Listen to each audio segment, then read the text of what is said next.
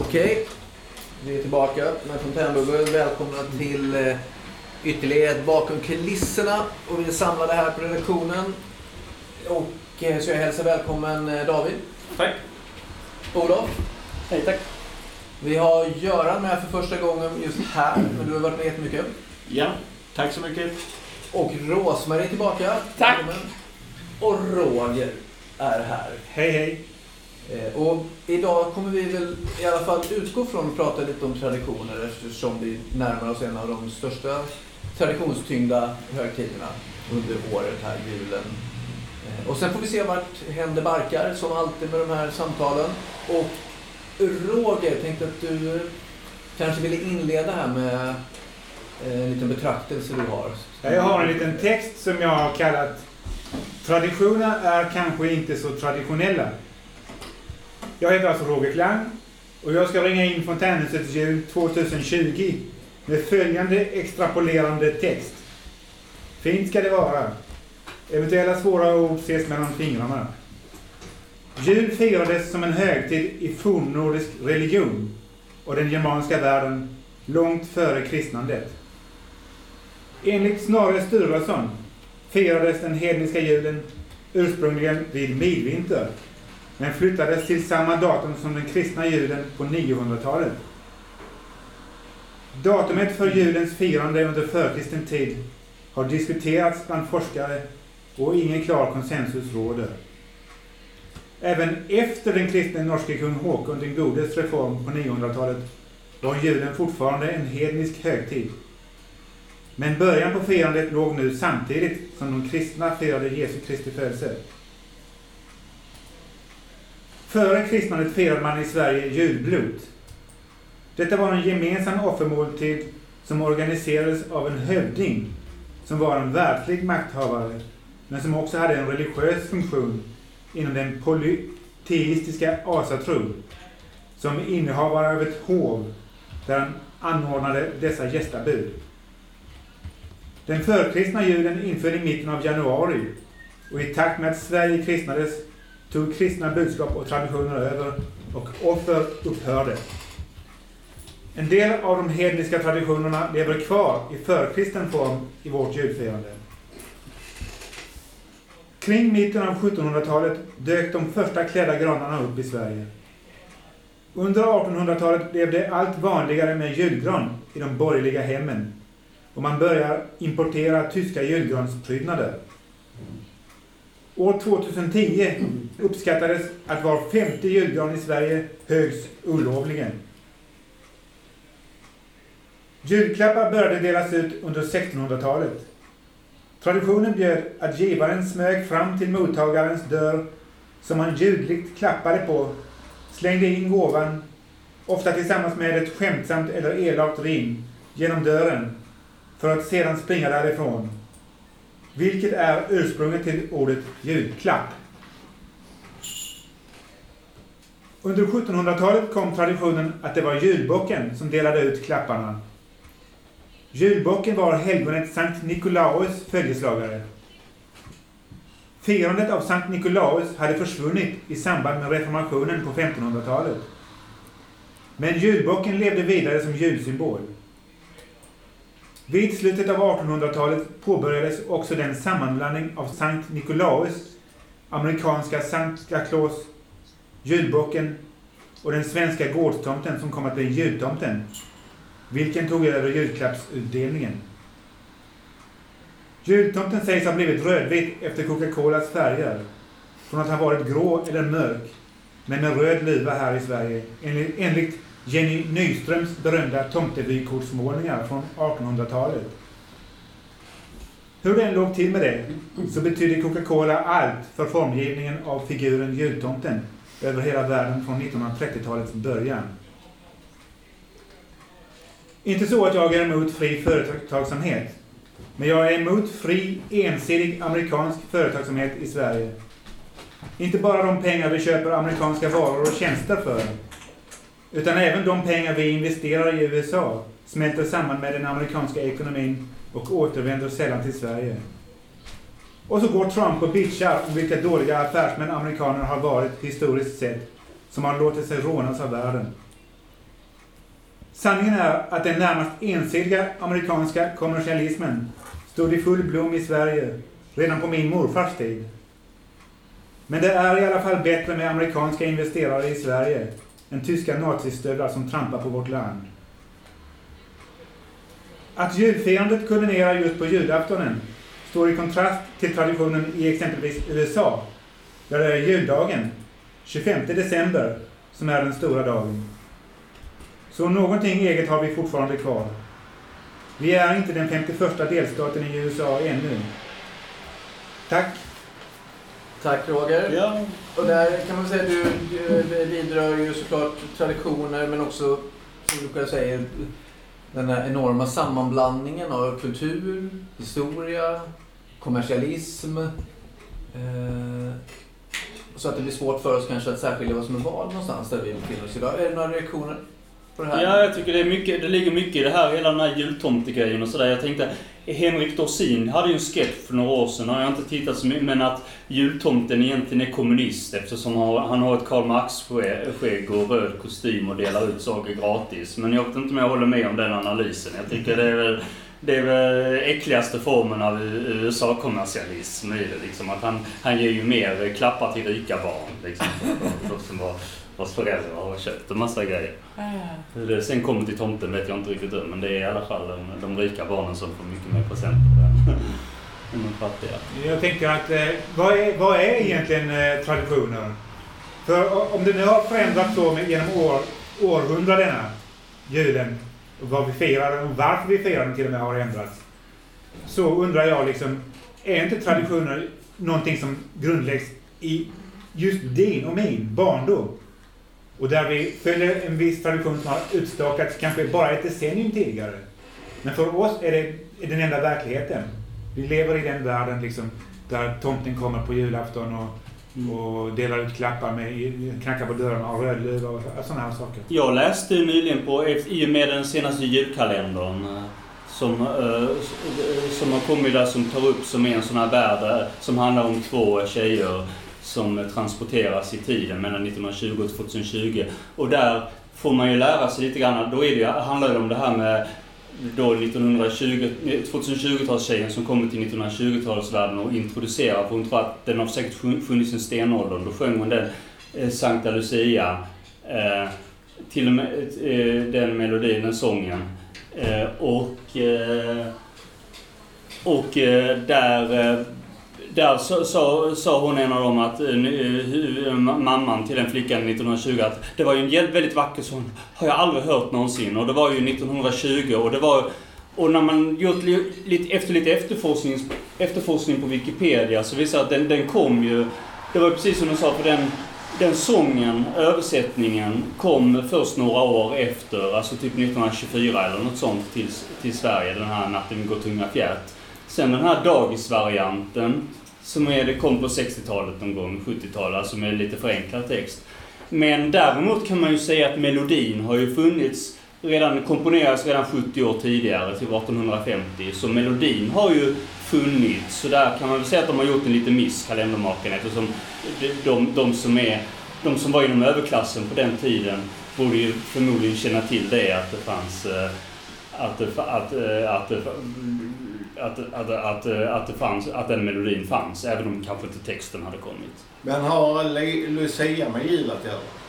Nej, det är någon gammal eh, sån här, eh, är det någon, itali, är det någon italiensk tradition? Att eh, hon var något helgon eller, eller ja, Hon blev helgonförklarad ja. efter sin död. Men, men hon blev väl bränd på bål för sitt kätteri då. Det vill säga att hon mm var ju rätt religion men hon hade fel tolkning utav religionen. Um, eh, alltså det där med traditioner och så här och, och vad man går tillbaka. Jag tänker att det, att det någonstans är, är en kommersialisering utav nationsbyggandet som skedde på 1800-talet där liksom alla nationer skulle hitta någon sorts nationsidentitet. Mm. Eh, och eh, då blir det ju väldigt mycket att man lånar små bitar här och var, kanske en melodi från någon, men texten kanske var alldeles för mycket fokus på landet där den kom ifrån och så ville de göra den till sin egen, precis som kristendomen gjorde ja. eh, den här hedniska traditionen till sin egen. Att det, att det är liksom, eh, att den här processen har pågått genom historien innan den här rovdriftskapitalismen kom. Men det är ju väldigt mycket som man, alltså de här identitetsbilderna som man har skapat som, som finns kring eh, saker som, som kommer ju då huvudsakligen från USA i början Mm. av 1900-talet. Att det, det eh, alltså den här sortens eh, bröllop som, som ses som en liksom, eh, bilden idag som, som ett fint bröllop. Att det här liksom att klä sig vitt och byta ringar och sådana saker. Det, det var ingenting som människor gjorde i någon utsträckning utan det skedde ju liksom bland eh, möjligtvis de som var högst upp i åldern, men annars hoven i vissa hov. Eh, och att vanliga människor skulle befatta sig med någonting sånt skulle te sig som fullständigt absurt. Eh, men, men nu så är det ju liksom så, och till och med i USA så pratar man ju fortfarande om att du ska ge, du ska köpa en ring eh, och du ska lägga två månadslöner, två fulla månadslöner på den ringen. Eh, annars så eh, förtjänar du inte att gifta dig med kvinnan. Och det är ju, alltså, den traditionen kommer ju från att om du skulle dö så ska ju, ska ju din efterlevande fru ha någonting att pantsätta så att det inte är helt utsatt. Det, det behövs ju inte heller på samma sätt idag. För att, ehm, eh, ja, för att det finns välfärdssystem och för att det finns liksom, kvinnor jobbar i en annan utsträckning. Alltså, så att det, det, traditionen lever, liksom spöket utav traditionen lever kvar liksom, men, men funktionen finns inte längre för att eh, det sker hela tiden en förändring. Jag skulle säga det när det gäller Lucia, så vi kan ju lära det. Jag, jag, jag lärde mig den italienska varianten, den gamla, redan i lågstadiet. Mm. Eh, och då fick jag lära mig att det var en fiskarvisa från början, så den hade ju verkligen ingenting med julen att göra. Men jag tänker så här, traditioner, som vi pratar om, det kanske är så då att, eh, som du säger David där, att tradition och identitet. Att allting handlar om att bygga en statlig identitet, bygga en familjeidentitet, bygga en gruppidentitet. Att traditionen är ju ett ver- ett verktyg. Att det blir väldigt skönt att ingå i. Ja, det här har vi alltid gjort. För det, det definierar oss. På något sätt. Att det kanske är en grundläggande bit i, i, i hela Ja, alltså, ti- tittar man på traditioner i, i, idag så är det ju, Sverige är ju ett sekulariserat samhälle. Och, och tittar, man, tittar man då på andra västländer så är det ju oftast eh, eh, partierna åt höger som, som propagerar för att de här högtiderna är väldigt, väldigt viktiga. Eh, Medan det då ser tvärtom ut i Sverige till vänsterpartierna, eh, eller partierna åt vänster då, som tycker att det är viktigt att hålla kvar de här traditionsenliga eh, dagarna för att det innebär då lediga dagar med lön. Ja, du menar högtiderna? Det finns olika perspektiv där. Precis. Ja. Ja, det är det, uh, um, med tanke på att, uh, som du säger, att folk har, har, har haft ett behov att bygga någon slags gemenskap med andra genom att för, uh, komma upp med någon tradition. Så egentligen det kommer, det kommer ner till ritualer. Att vi, vi, vi alla har vissa ritualer som, som, som vi gör. Och sen när det blir fler folk som, fler människor som gör samma ritual över upprepade gånger under ett längre tid, då blir det en tradition.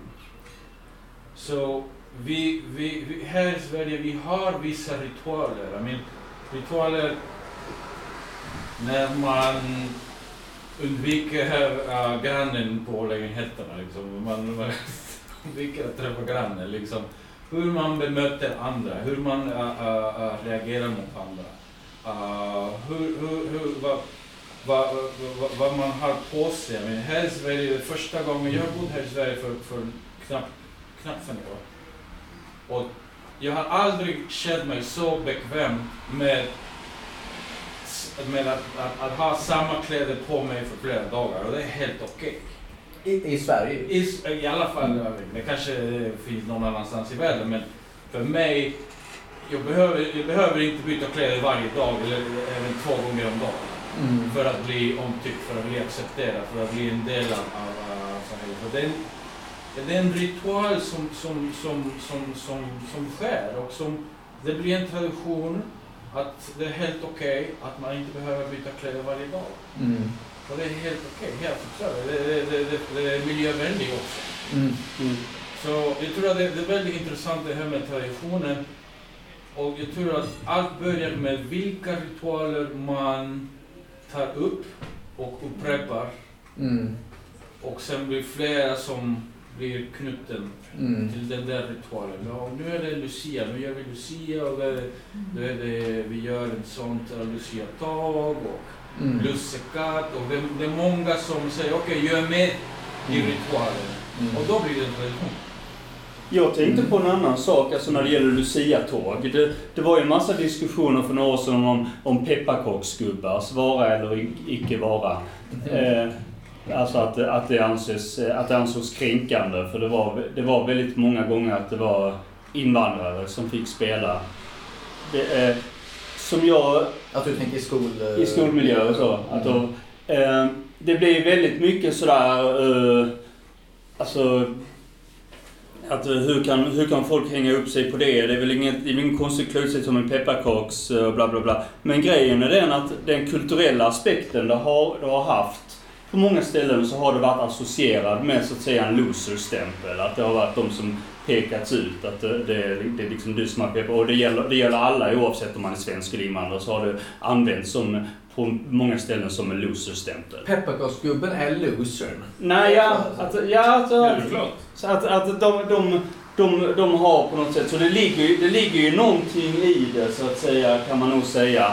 Det här är eftersom det har använts, det har, det har använts, det är, pratar med andra som har intygat det, att det är att de, de som är de, de som är liksom lite utanför, det är de som får bli pepparkaksgubbar. Mm. Så där, därför har det ju en viss stigma så att säga.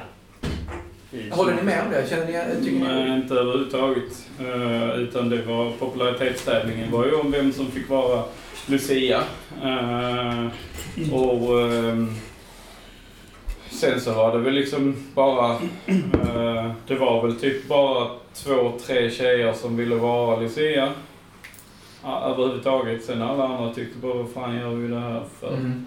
Ja men det är väl olika. Fast det fanns olika, som jag minns det, och du- utifrån Lucia-traditionen sen i skolan, så är Lucia och, och stjärngosse, det var ju jäkligt mesigt att vara. Mhm. Det var jag alltid. Jag har alltid Ja, jag säger inte du är mesig nu. Ja. Men, och pepparkaksgubbar, fanns det något mer? Tomtar. Nissar blev de väl Nissar. Var det, var det verkligen tomtenissar med? Ja, på min tid var det tomtar. Jag var tomte på dagis. I Lucia-tåget? Ja. Ja, Det var många som var, eller det var inte jättemånga men det var ofta de kortväxta. Ibland var de kortväxta. Göran? På min skola på 70-talet så eh, var Lucian den som sjöng bäst på hela skolan. Eh, Tärnorna heter det så. Kunde också sjunga. Och sen så var det tomtar och det var de som ville vara med i Lucia-tåget men man inte kunde sjunga. Mm. Och eh, pepparkaksgubbar har jag aldrig sett. Men stjärngosse måste ha funnits va? Ja, skärgårdsgubbar, men de, de kunde också sjunga. Ja, de, precis. de fick sjunga den här Staffan, Staffansvisan. Mm. Mm. Staffan var en stall. Ja, ja så det, det är fascinerande hur olika man kan tycka alltså i... äh, Nu säger jag inte att någon här har tyckt något annat utan de pratar men generellt, jag har alltid tyckt att stjärngossarna var de coolare. Alltså de stiliga, långa och ståtliga liksom så. Det, det är det, därför jag har alltid tagit det som en komplimang när jag har liksom, när jag liksom Jag uppmanat tyckte alltid att de hade så töntig mössa. Nej men alltså jag tyckte att det var liksom de långa och stiliga, det är som är stjärngossar liksom som går med en sån här. Jag Nej, tycker- namnet är ju så. Eh, Rosmarie, hur traditioner för dig? Vad, vad tänker du om det? Är det viktigt för dig? Jag vet inte vad jag ska svara på det. Jag behöver fundera mer vad jag tycker om den saken. Mm, det får du gärna göra. Absolut. Jag kan i så fall bolla över till dig igen just eftersom vi nu pratar om, vi kan använda dig som en symbol för olika kulturer. Nej, men jag tänker att vi prat, började ju såklart prata utifrån Roger, du missade den biten, men att vi pratade om eh, Coca-Cola. Coca- men amerikaniseringen av kulturen i, i Sverige och att vi ofta inbillar oss att våra jultraditioner och de här, oh, det är vår, det är vår identitet. Och sen så man börjar titta på det, nej, fast tomten som vi känner den, som den ser ut, skapades av Coca-Cola 1932 och av Disney sen. Och, så, så, så, och du är ju från USA. Mm. Så eh, amerikaniseringen av Sverige, är, är, är den sann? Är, är det så? Jag, jag, jag, har, jag, har- jag har inte bott i, i... Jag har bott i kanske sju, åtta länder. Men jag har aldrig upplevt en kultur som är så pass... Hur ska jag säga det utan att... Uh, Kör hårt säger jag. Ja, kör hårt. som... som, som um, Är så individuell. Nej, jag menar en kultur som, som, som gillar att, att kiss American ass. Mm. Förlåt, jag kan inte... Jag kan inte och, det, och, det, och det jag menar är att det är så mycket som Sverige liksom verkligen ser upp till USA. Jag, jag fattar inte det. För när jag bodde i Kanada, när jag bodde i Mexiko, de, hade väldigt, de var väldigt tydliga. Nej, det är de, det här är oss. Mm. Och, ehm, men här i Sverige liksom... Det kanske, det kanske har någon, någon, någon gnostik bakom det, för det fanns flera miljo, miljoner eh, svenskar som, som, som, re- som åkte till USA i Mm. början av, eller i, i på, på 1800-talet. Så det kanske finns någon slags koppling som går, som går bortom vad man kan förstå. Det kanske finns mycket, eh, en, en, en, för det, om man ser på de, de där staterna, liksom uh, Dakota, uh, Nebraska, uh, Minnesota, uh, Washington State, alla dessa städer, även vid uh, den uh, Delaware uh, uh, del av USA, det finns jättemånga svensk, liks- liksom jättemycket som, som, som kommer från Sverige. Jag menar efternamn, n- n- namn på olika städer. Det finns jättemycket. Och det kanske är en sak som, som, som är något som, som fortfarande är aktuellt, att, att det finns en koppling Mm. mellan de, de här två kulturerna. Ja, jag har en annan teori. Ehm, eh, det, vill, vill, du, vill du åka till ett land som har mer liksom, eh, känsla för, för USA än Sverige så är det Norge. Eh, de är ju väldigt mycket med. Eh, men, men, att det, är- men, men att det hör hemma här är ju mycket, tror jag, dels eh, att vi fick sånt stöd eh, av alltså efter andra världskriget. Ehm, det var ju så att Sverige var det enda landet i Europa som hade en industri som inte var sönderbombad. Eh, Så även om Sverige inte fick något direkt ekonomiskt stöd från USA så gick nästan allt det ekonomiska stödet som de andra länderna fick hit för att vi producerade alla grejer och vår industri producerade allting. Eh, sen har det förmodligen också med kalla kriget att göra. Att där var ju ett spel bakom kulisserna där Sverige spelade med väldigt mycket. Eh, och även om det fanns eh, kommunister i, i Sverige så var de ju inte i makten utan det, här, här fanns en socialdemokrati men man var ju helt klart lutar man ju emot USAs eh, frihetsideologi och så vidare.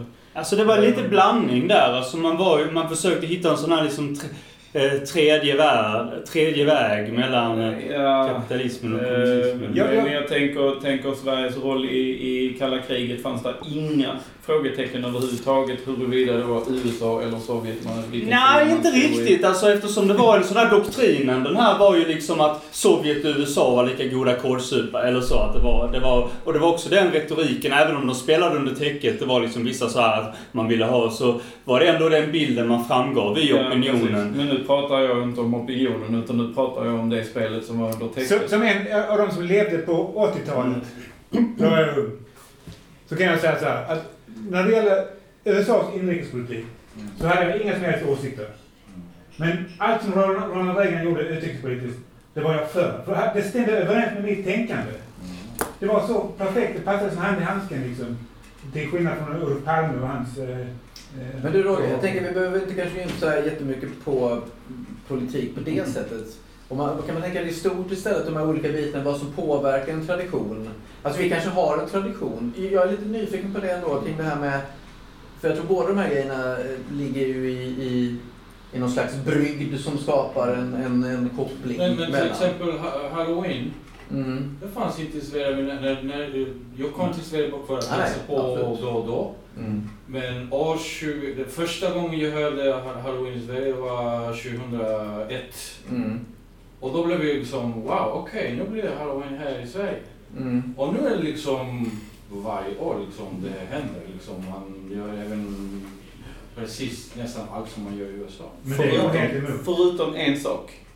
Och Vad? det, det är att det är inte bus eller godis.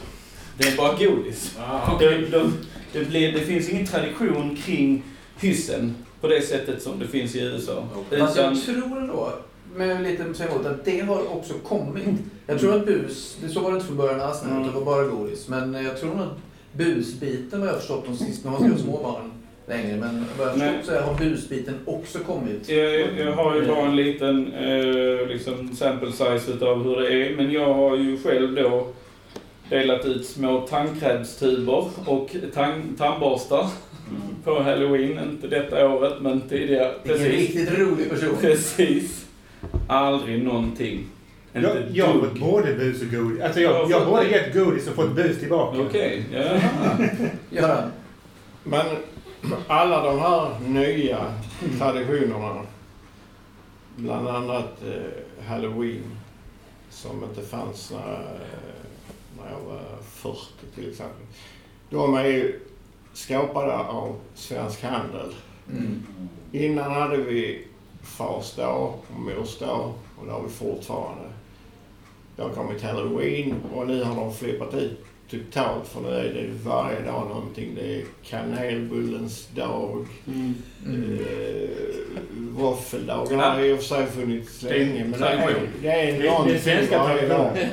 Black Friday är en Men- annan värld. precis. Ja, Black Friday är en annan sak. Men vå- våffeldagen är ju så typiskt svenskt. För Ja. det, det är ju Jo, men jag såg att den har hängt med det är, en men- krist, det är en kristen tradition. Det det handlar alltså om vårfrudagen. Men det blir lite för många stavelser. Så då har man bara i, i, folkets, i folkmun sagt att men det är våffeldagen och så har man börjat äta Men våfflor. jag tänker att du är, som Göran då, Ja. eh, eh, det är ju så att, att precis, kommersialismen har hittat sin glipa. Sin, sin möjlighet att slå in en, en så här, här kan vi tjäna pengar. Mm. Eh, för att vi, och men jag tänker att det kanske också sitter ihop med, på ett väldigt djupare plan, att det här med identitet, tradition, och ännu en tradition som vi kan gå upp i. Någonting vi kan knyta till ur någon folksjäl eller, jag vet inte, det är farligt att prata om det, men jag förstår vad jag menar. Mm. Vi, vi faller lätt i den fällan. Mm, mm. Så har det alltid varit. Nej, Inte för 15 år sedan var det inte så. Men så växer upp en generation så är det alltid halloween. Alltså traditioner, det kanske finns en tid nu där man kan skapa traditioner på ett annat sätt. Mm. Eller, eller ritualer som Ja, är styrda av mammon. Det Vi skulle ta ner foten med en gång. Men skulle vi gjort, det gjorde inte jag heller va. Men eh, om vi hade gjort det liksom sagt att "Nej, det här hör inte hemma i Sverige. Mm. Halloween hör inte hemma i Sverige. Det, vi hade ju allhelgonadagen. Alltså allhelgona... Mm. allhelgonadagen. Det är ungefär samma grej va. Alltså det, de liknar varandra. Så det har liksom... Mm. Fast att helgonen var ju inte så kommersiellt fokuserad. Ja, halloween är Avljus. 100% kommersiellt. Liksom. Precis. Men, men kanske är det just eh, bristen på ritualer som gör att det är så himla lätt att bara plocka fram en. Så finns det människor som törstar efter den här ritualen. Mm. Det finns liksom inte någon koppling. Vi, vi är rotlösa i, i tiden och Ja, tillvaron. men jag tänker det du snackade om, alltså, vi är så oerhört världens mest sekulariserade Ja. land. Precis. Mm. Eh, Så om du plockar bort alla, eh, religion var det vi gick upp i Mm. tillsammans förut. Om vi plockar bort det, vad ska vi då? Ja, och ideologin har ju visat sig att det finns ju ingen utav dem som höll. Eh, nej. Ingen har levererat. Ehm, så, så då är det ju ingenting Mm. mer än bara... Vi valde dansen kring guldkalven. Mm. Liksom. Ja. Sen und- undrar jag om det här med ritualerna att om vi, vi kanske har ett behov att vara med och kanske vara omtyckt, kanske vara liksom känna att vi hör en, eh, en grupp så att vi inte blir utsatt. Mm. Så om jag firar jul, då tänker jag att jag är med med de alla som firar jul. Jag är med i samma gruppen, jag är inte utsatt. Mm. Men om jag säger nej till att fira julen, helt plötsligt hamnar jag i utanför, utanför, utanför, utanför, utanförskap. Mm. Så det kanske är också ett behov och något som man vill inte vara utsatt, man vill inte vara liksom lämnad liksom ut ur gruppen. Mm. Man vill vara med i gruppen. Så Mm. om de firar jul, då firar jag också. Mm. Om de gör halloween, då gör halloween för jag vill, jag vill vara med Mm. oavsett. Mm. Så det kanske finns något, något slags primärt behov om att jag vill vara med majoriteten. Jag vill Mm. vara med gruppen som har makten Mm. och inte hamna i en situation där jag stämplar och påpekar som du hör inte här hos, oss. Mm. Nej, alltså julen är, det är den största familjehögtid. Familj, familj, familj. Det, är ju, det bankas ju in att det är en familjehögtid. Äh, Det är så, man tänker på det, det är en dag i Sverige om året egentligen. Och det är så laddat. För så många. Det blir så jobbigt. Även för de som har bra jular. Men det är Eh, inte så, bara så en det dag. också så här, de här traditions... Om jag tittar på min egen så här, jag älskade, eh, älskade julen och allting sådär. Men den var också laddad. när Man åkte hem till mamma och pappa. Och så blev man liten. Mm. Eh, och traditionerna skulle vara som de var.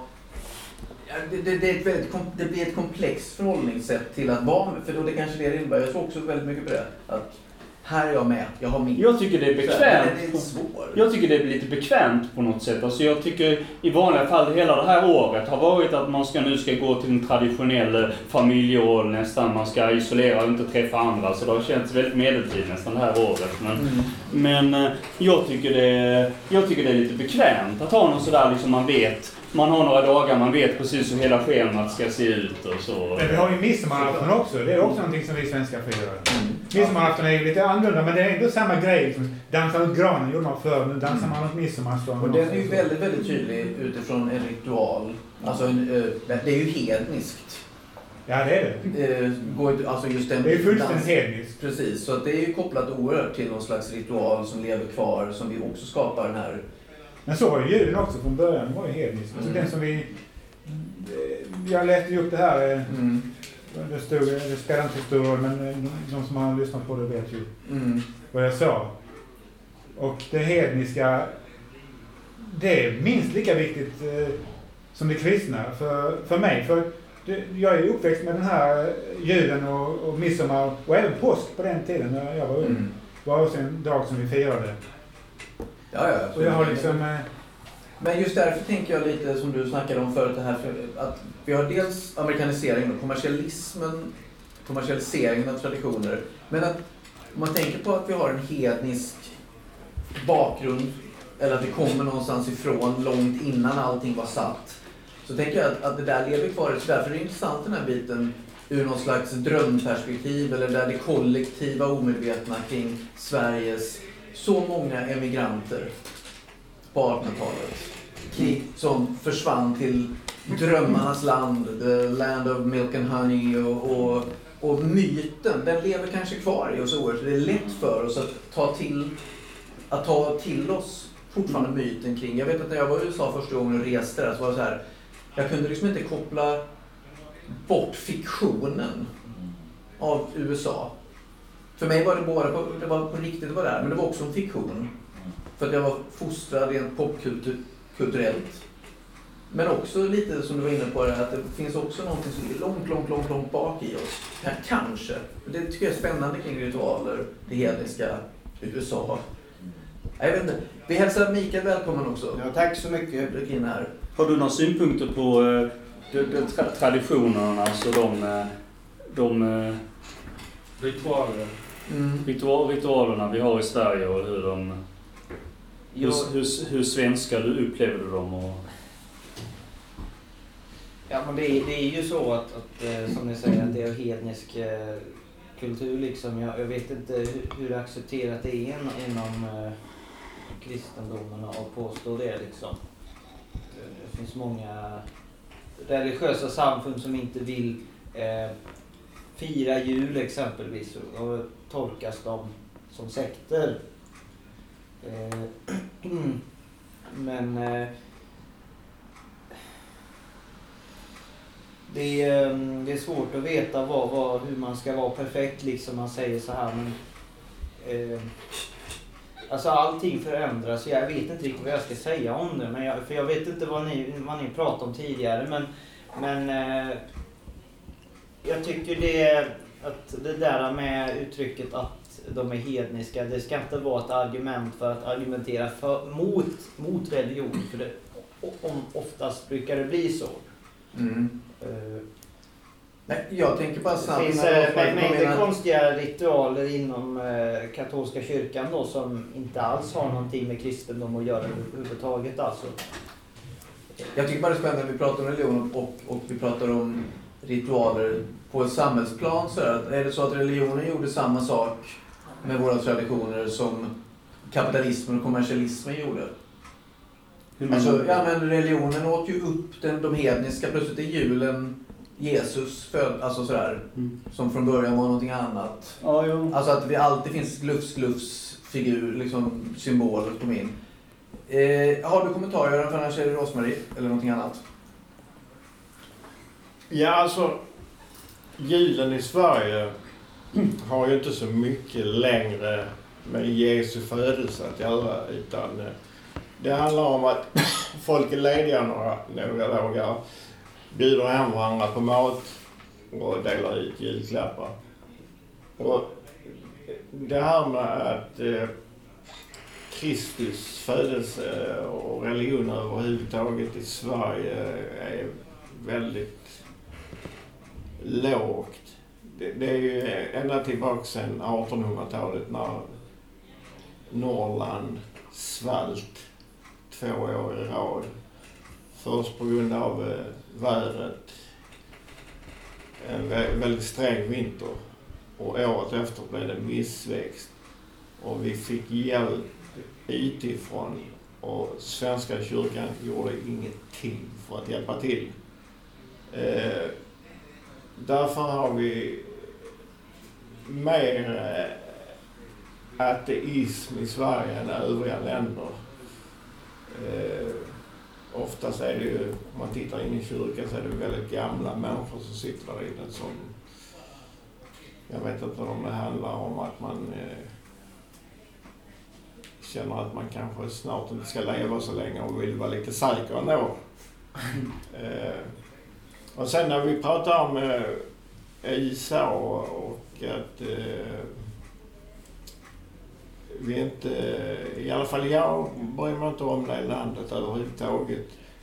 Och det har ju med att jag är eh, 61 år gammal och jag upplevde Vietnamkriget.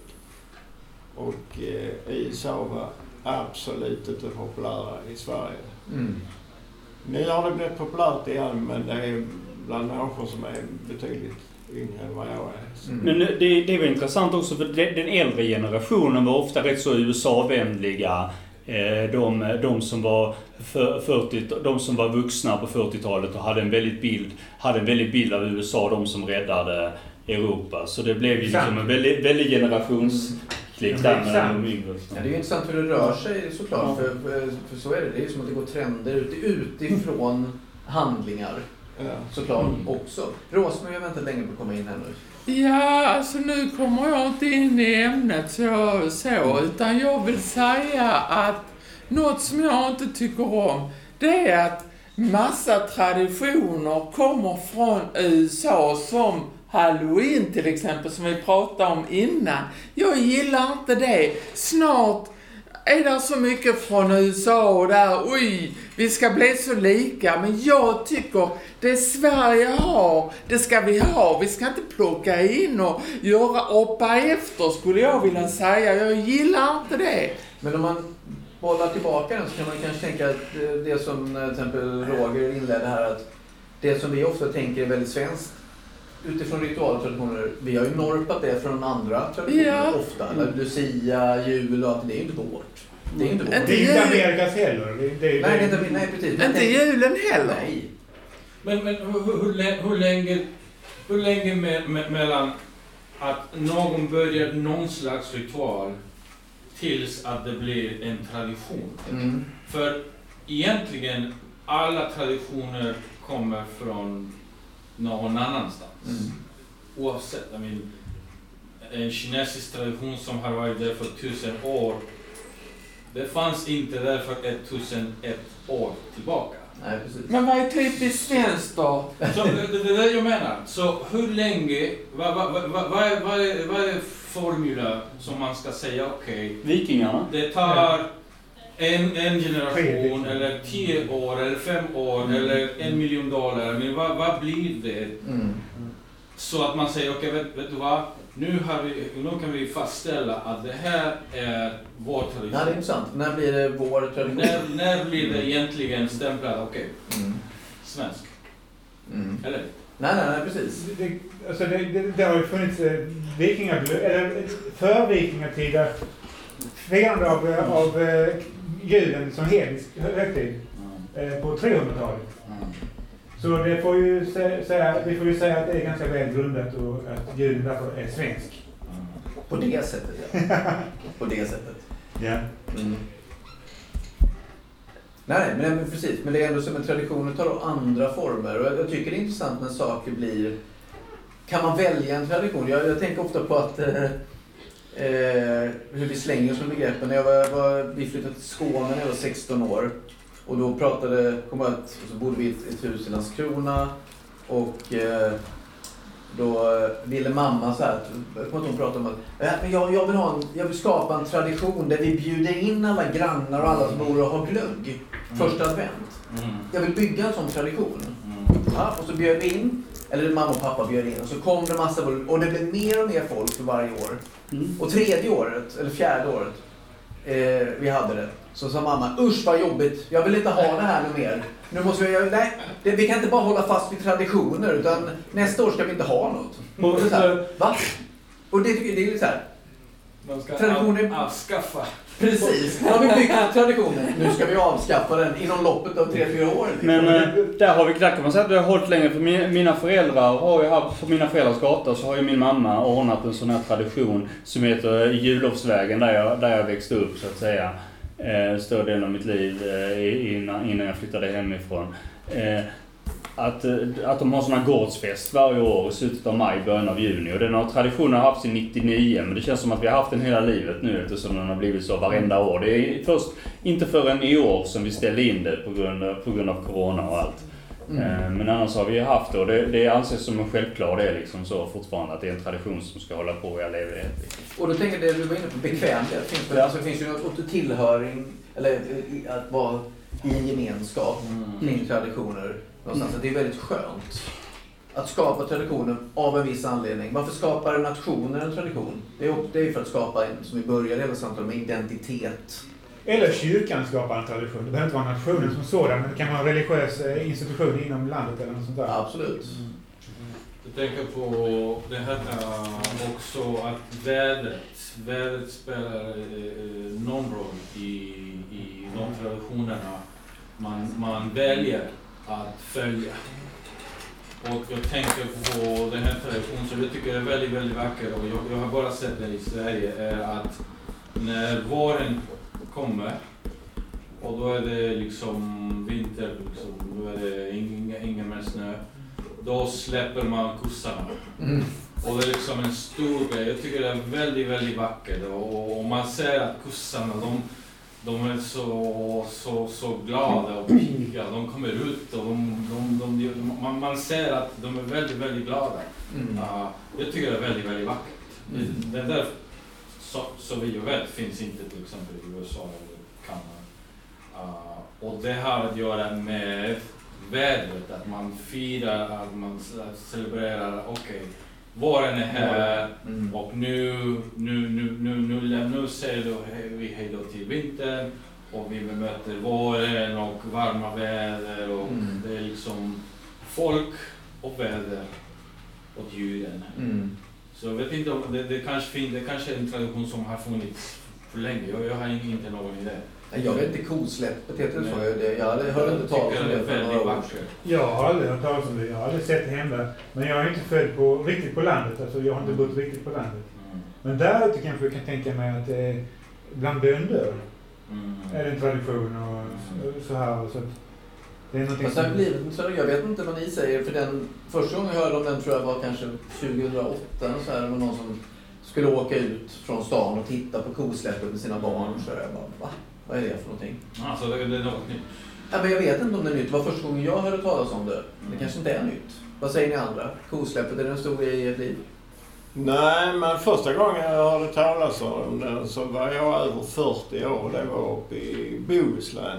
Mm. Ja, det var stort och hamnade i tidningen. Eh, Det var ju att eh, i eh, skärgården där att man eh, tog korna på båtar och släppte ut dem på öar där- de skulle beta hela sommaren. Så där var det väldigt stort. Mm. Skåne vet jag att det finns det, jag har aldrig hört talas om det innan. Mm. Eh, eh, Sen tänkte jag eh, det här med eh, väder och, och mörker och sånt. När vi till midsommar, då har vi ofta eh, årets längsta dag. Och sen blir det mörkare. För, men för två år sedan så, när jag var i affären så ligger det här en sån här festlokal som folk kan hyra. Och där satt en eh, gitarrist eh, och, och värmde upp och jag såg att han var eh, en duktig klassisk gitarrist. Jag såg hans naglar, de var perfekta. Så jag stannade till och, och, och frågade vad det var för fest de skulle ha. Så sa han, ja, vi är den bolivianska föreningen i Lund och Malmö. Och vi firar alltid den här dagen för att dagarna blir längre. Och det blir de ju i syd, på södra halvklotet. Eller vände på det. Ja. Så eh, nog finns det traditioner som, som vi inte känner till över hela världen men, men som är, på något sätt ändå är, eh, hänger ihop med varandra. Som liknar varandra precis. Fast som formas av vad man... Precis, klimatläran är väl sann. Liksom.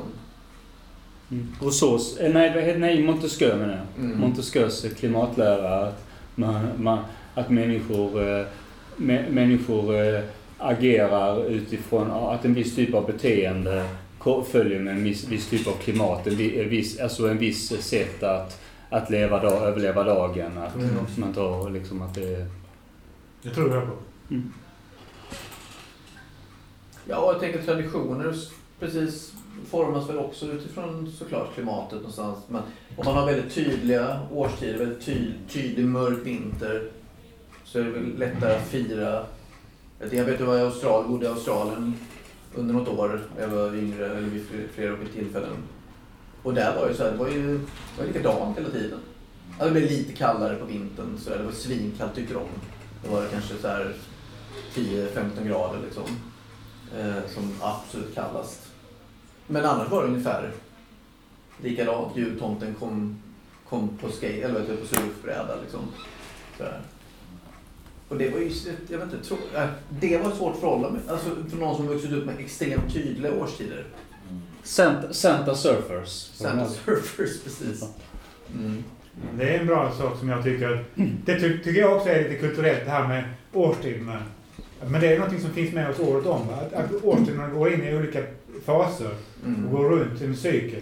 Mm. Det är en sak som, eh, som jag förhåller mig till som svensk eh, som betyder mycket för mig. För jag, jag, jag ser någonting positivt i alla årstider. Ja, och det är ju man, tradition. Det är kanske är intressant och jättespännande klimat. Om man då tänker, vi lever ju också i en tid där nationalismen ska eh, liksom gärna eh, rears its ugly head och allt det här liksom. Eh, det kanske klimatet är kanske helt enkelt så att det är en sån himla stor faktor i vad som gör våra olika kulturella identiteter. Beroende på var vi har, befinner oss på jordklotet historiskt. Liksom. Jag tror det. Mm. För jag tror på evolutionen. Mm. Jag tror också på Kristus, men jag tror på evolutionen. Och då tror jag att eh, det är inte konstigare än så än att eh, är man född i ett land där det är 50 grader varmt eh, halva året och 40 grader varmt andra halvan eller så. Så eh, då formas man ju efter den för att kunna överleva alltså. Mm. Exakt. Och det är samma för oss här uppe i norr. Vi, vi är vana vid snö då, det har inte varit så mycket på senare år men vi är vana vid det. Och, Mm. då, då eh, måste vi förhålla oss till det på ett sätt som gör att vi kan hantera årstiderna. Mm. Mm. Ja, spännande. Vi, vi, nu har timmen gått där. Vi, vi kom in på helt andra eh, grejer vi kan fortsätta med. Klimatdiskussioner och vad som påverkar oss människor. Mm. Eh, egentligen. Hur det sitter ihop. Vi, allting är ju komplext såklart. Men jag tänker att vi avslutar. Och det blev ju mycket, mycket traditionssnack. Mm. Och ritualsnack, spännande. Eh, kring vad som formar oss och vår identitet och vår tillhörighet. Och jag avslutar med att säga som en av rednexen i South Park säger If you don't like America you can get out! Jag vet inte om vi ska avsluta det. Vi ses sen. Nej, det ska vi inte avsluta med. Tack så mycket. så för amerikan